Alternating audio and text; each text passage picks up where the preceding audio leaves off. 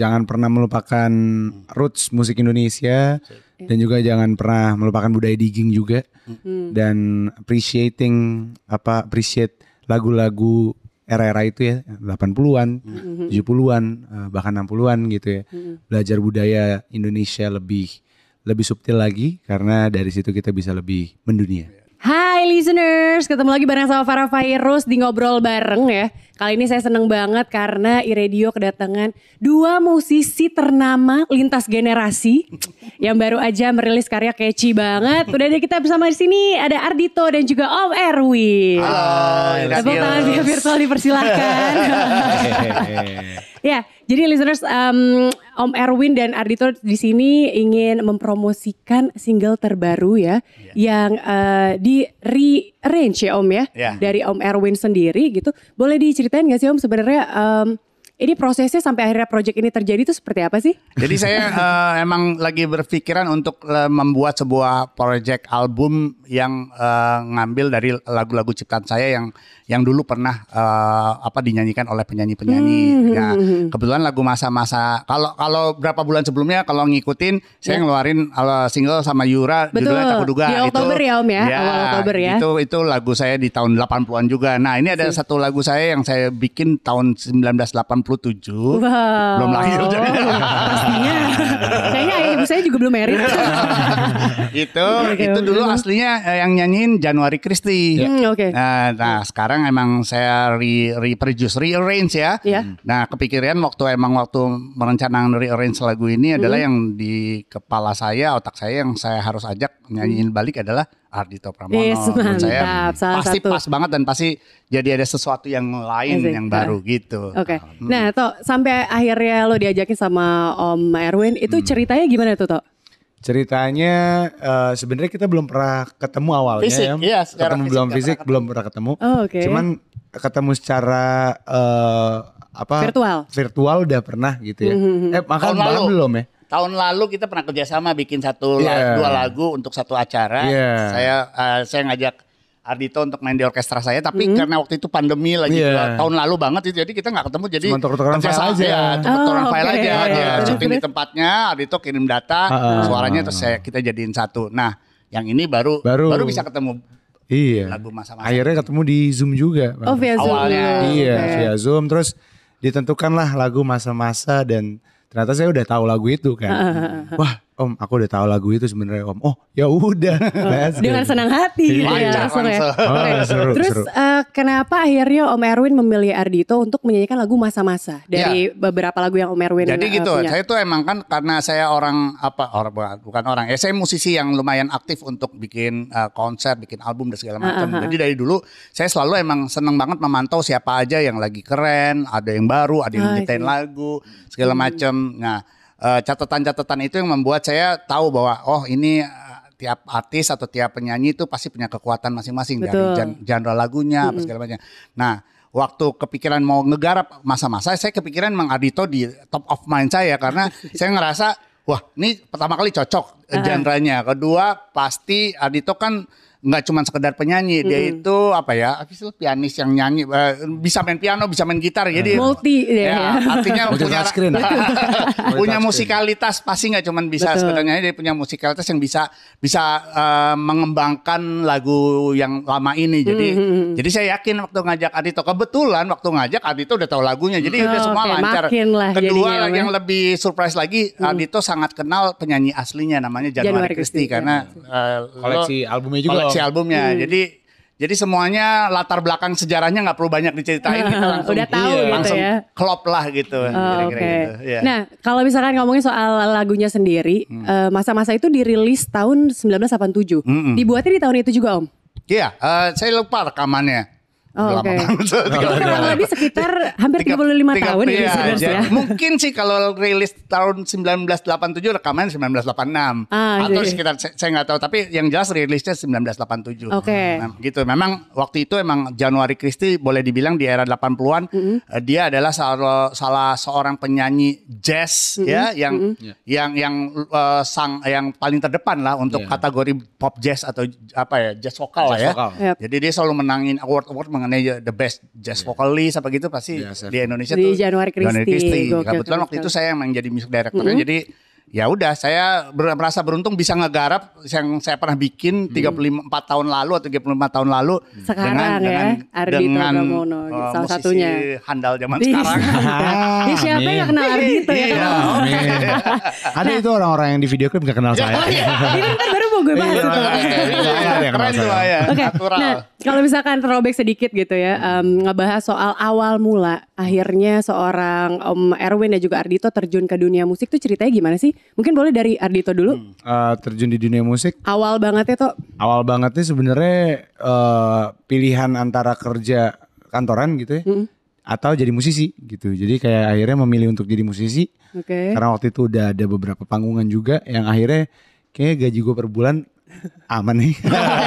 Jadi bisa nih kayaknya ya. Dia bisa deh jadi musisi maksudnya musisi sebagai sebagai occupation gitu. Jadi Oke. eh, selain passion juga jadi occupation gitu. Hmm, I see. Kalau Om Erwin sendiri? Ya, kalau saya main musik kenalnya dari ngelakuinnya dari kecil ya. Saya tuh eh udah ngeband dari SD bahkan. Wow, Ya, benar-benar. oh, Jadi oke. teman-teman ada eh, sampai sa- Sandy Luntungan, Almarhum Dodo Zakaria itu teman-teman ngeband saya waktu saya SD. Jadi mas- kelas 4, kelas kelas 5, kelas 6. Jadi musik sebenarnya udah mendominasi kegiatan selain sekolah. Iya. Jadi musik itu jadi bagian kegiatan yang lumayan boleh dibilang hobi tapi kayaknya keterlaluan kalau ngeliat zaman sekarang gitu. Eh. Ini anak main musik mulu kapan sekolahnya gitu. Tapi alhamdulillah saya sekolah terus sih. Oke, tetap jalan ya, dua-duanya jalan. jadinya Akhirnya ya, maksudnya terus-terus. Walaupun belum nentuin eh, bahwa prof, musik eh, jadi profesi ya di Iya, SMA iya, iya. aktif di ba- eh, festival band eh, Iya. ikut-ikut segala macam.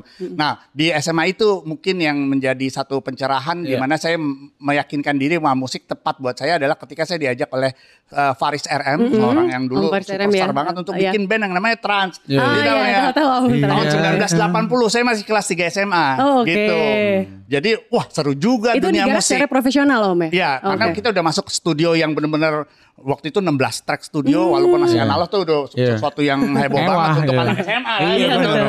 Jadi kita berproses di studio walaupun belum tet- tetap menentukan masih ngacekan eh, masih bingung karena saya ma- malah kuliah di arsitektur UI kan Oh, gitu. oke. Nah, memang pas ada selesai kuliah itu saya bulatkan tekad udah ini musik adalah yang paling benar buat saya. Hmm, I see. berarti Karena dari saya udah menjalani SMA. dari kecil. Oke. Tapi masuk ke industri musik tuh dari SMA kelas 3 itu. Gokil keren gitu. banget. Kalau misalkan untuk ngobrolin soal pembuatan lagu atau proses aransemen gitu ya. Om. Misalkan nih Om eh, ditanya dibandingin sama zaman dulu ya. Hmm. Sekarang tuh apa sih hal spesifik yang em, benar-benar dirasain sama Om bedanya?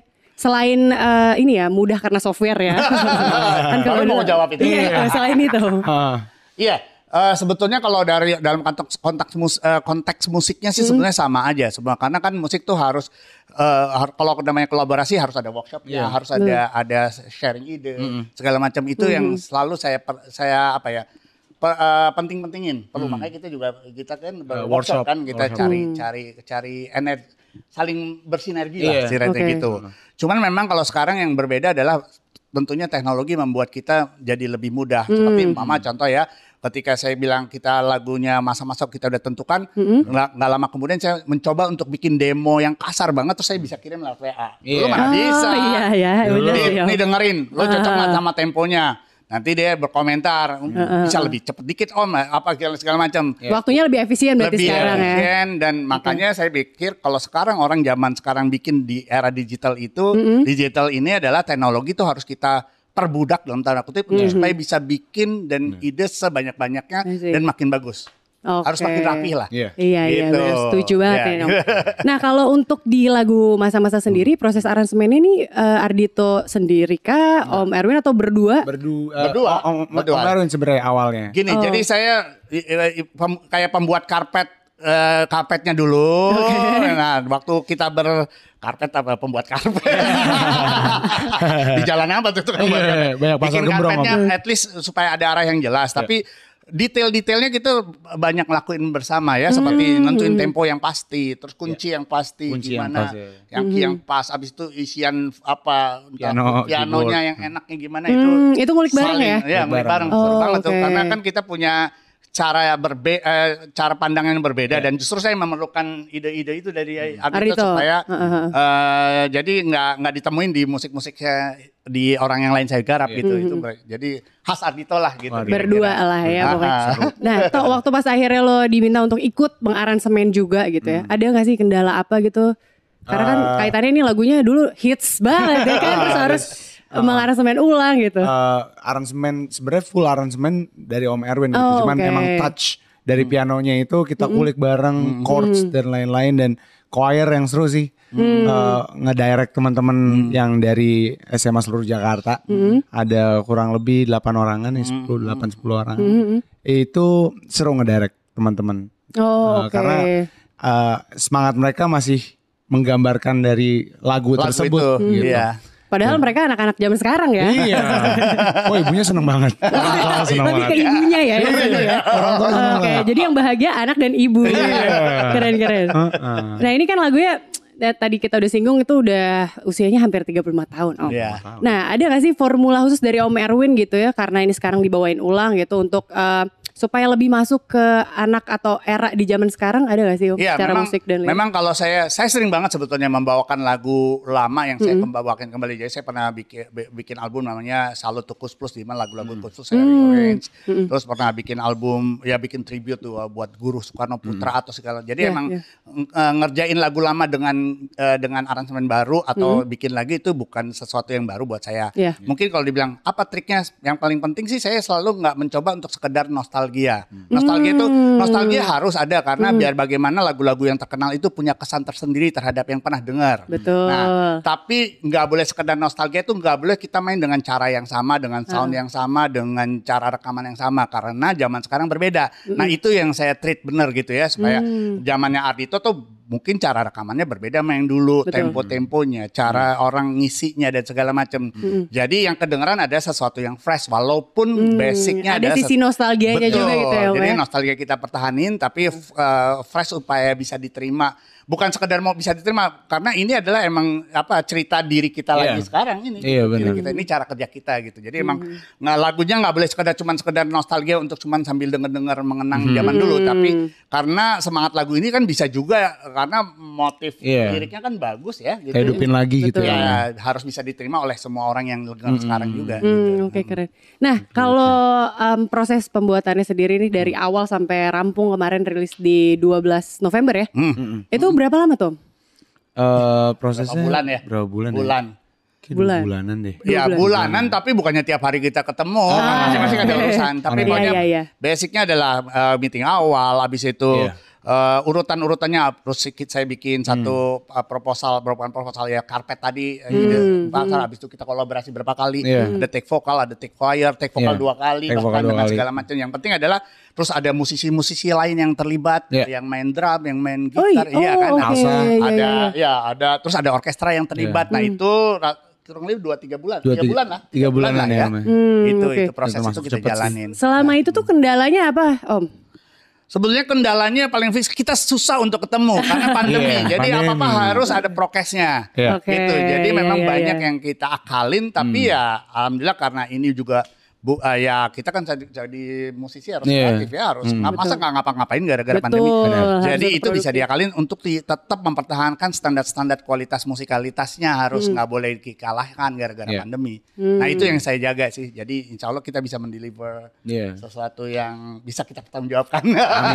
Oke, sampai sih. Om. berarti so far kendalanya karena pandemi ya. Iya ya, karena maksudnya kalau kita bisa lebih sering ketemu tanpa prokes-prokes mungkin Itu akan lebih lebih sebentar cepat. kali ya Nah, waktunya. mungkin ya. lebih sebentar buka buka ya kalau musiknya sih rasanya mungkin hasilnya sama Hasilnya lah sama, ya, gitu cuman- standarnya Iya, efisiensinya lebih. Oh, Oke. Ini kalau misalkan disuruh uh, pilih gitu ya.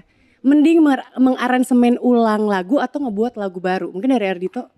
Kalau misalnya mengaransemen ulang lagu eh banyak tantangannya ya. Hmm. Karena ya kita nggak mungkin bisa lebih keren dibanding Betul. aslinya. Ada beban moral ya itu ada ya. beban moral gitu. Jadi Oke. kalau misalnya bikin lagu baru, eh, mungkin aku lebih prefer bikin lagu baru. Oh, kalau iya. buat aku, Ya, ya.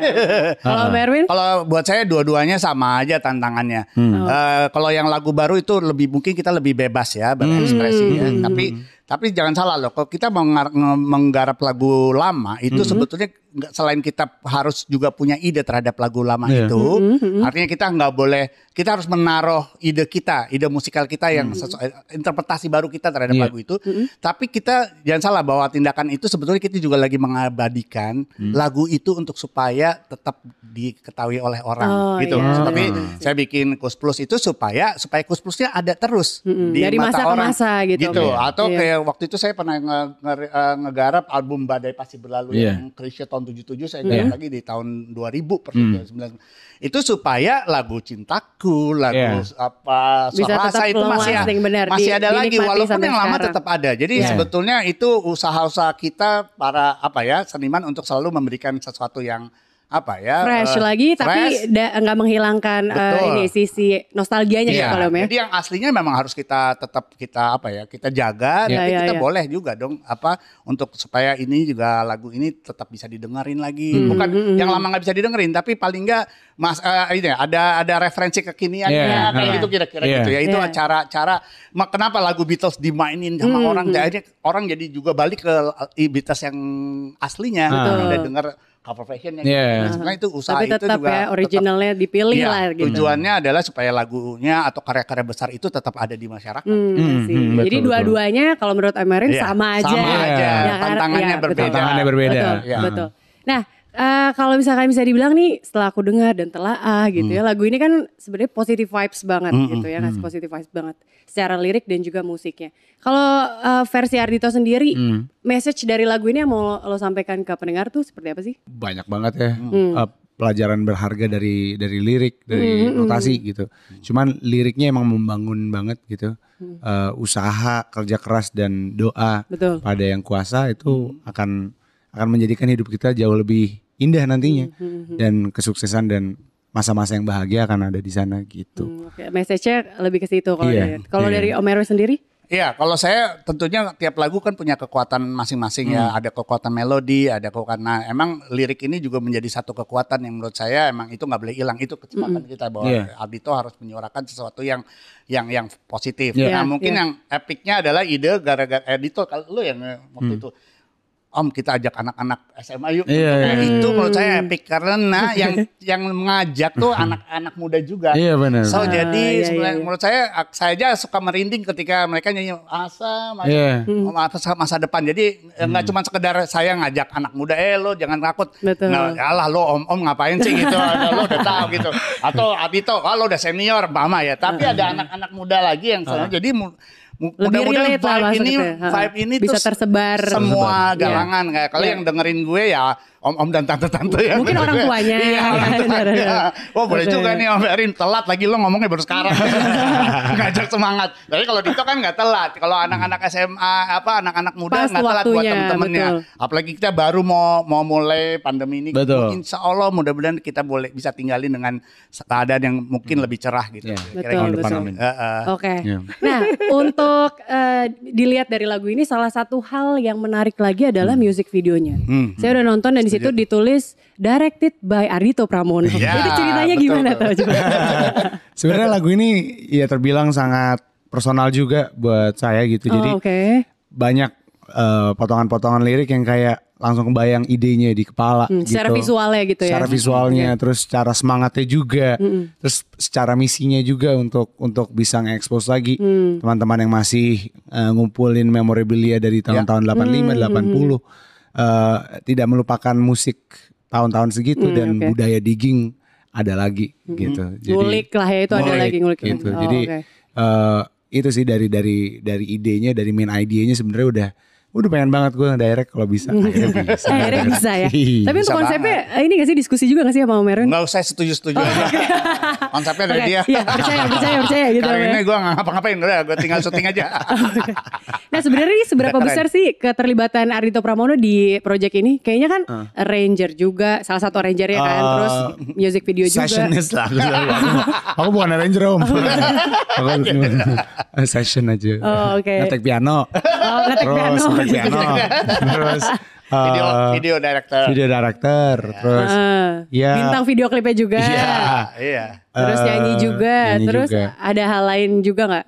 Yang Eh, apa gitu? hmm, ini sih kemarin kan nyari choir. Hmm, choir. Ardito mencari Ardi- choir oh, itu. iya.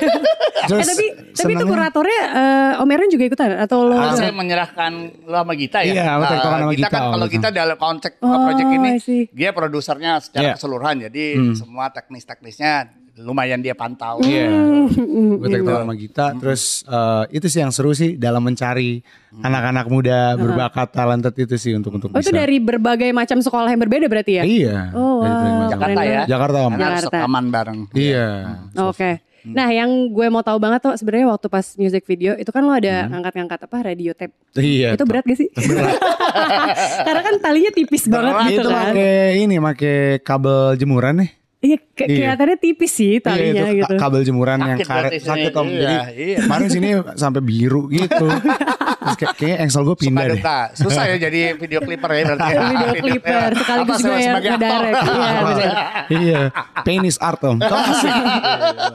Heeh. Ya, tapi tapi ini garapnya berapa lama tuh music videonya? Eh, dua hari, Oh dua hari. dua hari, terus editingnya dua hari, sehari offline, sehari online. Hmm oke. gitu jadi nggak begitu memakan waktu lama sebenarnya karena video klipnya kan dokumenter style banget. Betul, gitu. betul. hujan Ikut- hujan iya. beneran nedu nedu beneran Oke. terus eh, ke blok M Square ke blok M Square belum koordinasi sama orang-orang di sana Serius? main syuting aja kasih Wow. tanya emang udah udah izin Eh, kita kan dari kampus Itu udah paling kampus. aman ya listeners ya. Tugas kampus. Tugas kampus. Paling kasih uang-uang rokok lah ya. Iya, iya. Oke. Nah, di situ kan ada scene hujan-hujan apa segala macam yang Hmm. tadi lo bilang. Berarti itu semua natural ya? natural Nggak ada nggak ada di skrip ya? ada di skrip ya. Hujan-hujanan beneran. Heeh. Neduh beneran. Nedu beneran, nedu beneran, beneran Terus ya? nedu beneran, terus beli ponco beneran ada tukang Iya, lewat. Seru. Eh, seru, ponco gitu beneran. Oh, Oke. semuanya. Nah, em, bisa dibilang nih music videonya kan ada mayoritas justru syutingnya outdoor Iya. gitu ya. Kalau nggak salah tuh ada juga di Jatinegara ya. Di Jet, iya pasar jembatan hitam. Nah, terus habis itu ada juga di Blok M. Terus ada kendala khusus gak sih? Misalkan kayak orang-orang tiba-tiba siapa yang gak kenal Ardito gak sih? Terus kayak Aduh, minta nggak ada. foto. Nggak ada, Jack. Oh gak ada ya? Nggak ada. Oh, nyanyi ya? Oh, tuh. Gak ada ya? Ah, anak kampus ya. Jadi makanya langsung percaya, oh yaudah mas gitu.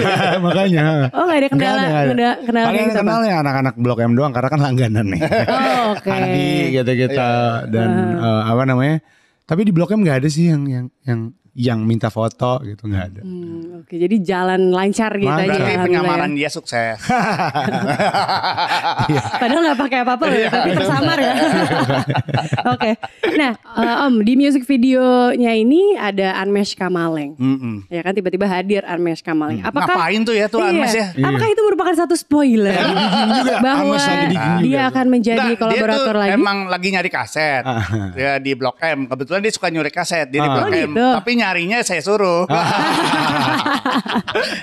Apa sih? Nes, pas jam segini lo nyari kaset ya di Blok M tapi Iya. jangan tempat lain. Jadi kita gitu. ketemu di situ. Agak tuh juga Ame gitu ya. Oh, oh, jadi itu eh, bukan satu spoiler, Spoiler apa ya? eh, bocoran. Bocoran apa ya? Eh, buat next pertanyaan project. apa Oh, oke. Ya, ini sebenarnya kayak ngait-ngaitin aja. Waktu pas di project Yura ada Ardito, Ah. di project Ardito ada Anmesh. Ah. Apakah itu merupakan satu korelasi? Gimana gimana gimana? Oh kan berarti skip aja ya pertanyaannya. yang, yang jelas yang jelas Anmes tuh penyanyi keren. Iya. Jadi Iya, saya iya. pengen banget kerja sama sama dia. Mudah-mudahan bisa terlaksana dan terjadi. Wah, Oke Iya. sih. Amin. Di project Pasti om. aduh, di project ini akan ada berapa lagu sih Om? Eh, Rencananya? produser saya ya Gita bilang harusnya kita 8 lagu. Ah oke. Nah, insya Pemilihan Allah. itu berdasarkan apa Ya, akhirnya? berdasarkan eh, eh, lagu yang pernah saya bikin dan Hmm. mungkin insya Allah dulu pernah pernah lumayan hits. Kemudian kita bisa dapat kerjasama dengan eh, orang-orang atau musisi-musisi yang kayak Adito ini punya karakter, punya musikalitas yang bagus, Oke. supaya kita bisa menggarap eh, dengan apa ide-ide baru gitu. Hmm Gitu. oke. Ini lagi lagi nyari, ada yang udah dapat, lagi berjalan lah semua. Insya Allah Jadi rencananya delapan tahun ya. depan bisa rilis semuanya. Amin. Nah Om mungkin mau disampaikan gitu ya dari Om Erwin atau juga Dito eh, terkait proyek lintas generasi pesannya apa untuk ya listeners? Eh, jangan pernah melupakan roots musik Indonesia dan juga jangan pernah melupakan budaya digging juga dan appreciating apa appreciate lagu-lagu era-era itu ya 80-an, 70-an, eh, bahkan 60-an gitu ya. Belajar budaya Indonesia lebih lebih subtil lagi karena dari situ kita bisa lebih mendunia. Mantap. Keren. Ntar pesannya di- dipotong nih sama anak TikTok dimasukin. Biasa gitu. Kalau dari Om Erwin Iya, sendiri, ya mudah-mudahan lagu masa-masa ini eh, senang sekali kalau ini bisa menghibur ya. Yap. Eh, tapi pengennya nggak cuma sekedar menghibur, ini bisa mudah-mudahan lagu ini bisa men- menyemangati semua yang dengar, siapa pun anak muda mau Ya. orang tua juga Betul. boleh Ya. atau anak itu menyemangati eh, dan selalu optimis terhadap masa depan yang lebih cerah. Wis, mantap. Oke kalau gitu, terima kasih banyak Erwin dan juga Ardito ya sudah menyempatkan waktunya mampir ke radio. Semoga em, masa-masa ini sukses dan upcoming project lainnya lancar. Sehat-sehat selalu ya. Thank you, Farah. Listeners juga terima kasih karena udah menonton em, ngobrol bareng Ardito Pramono dan juga Om Erwin Gutawa di iRadio Jakarta. Sampai ketemu. Dah. I Radio 100% musik Indonesia.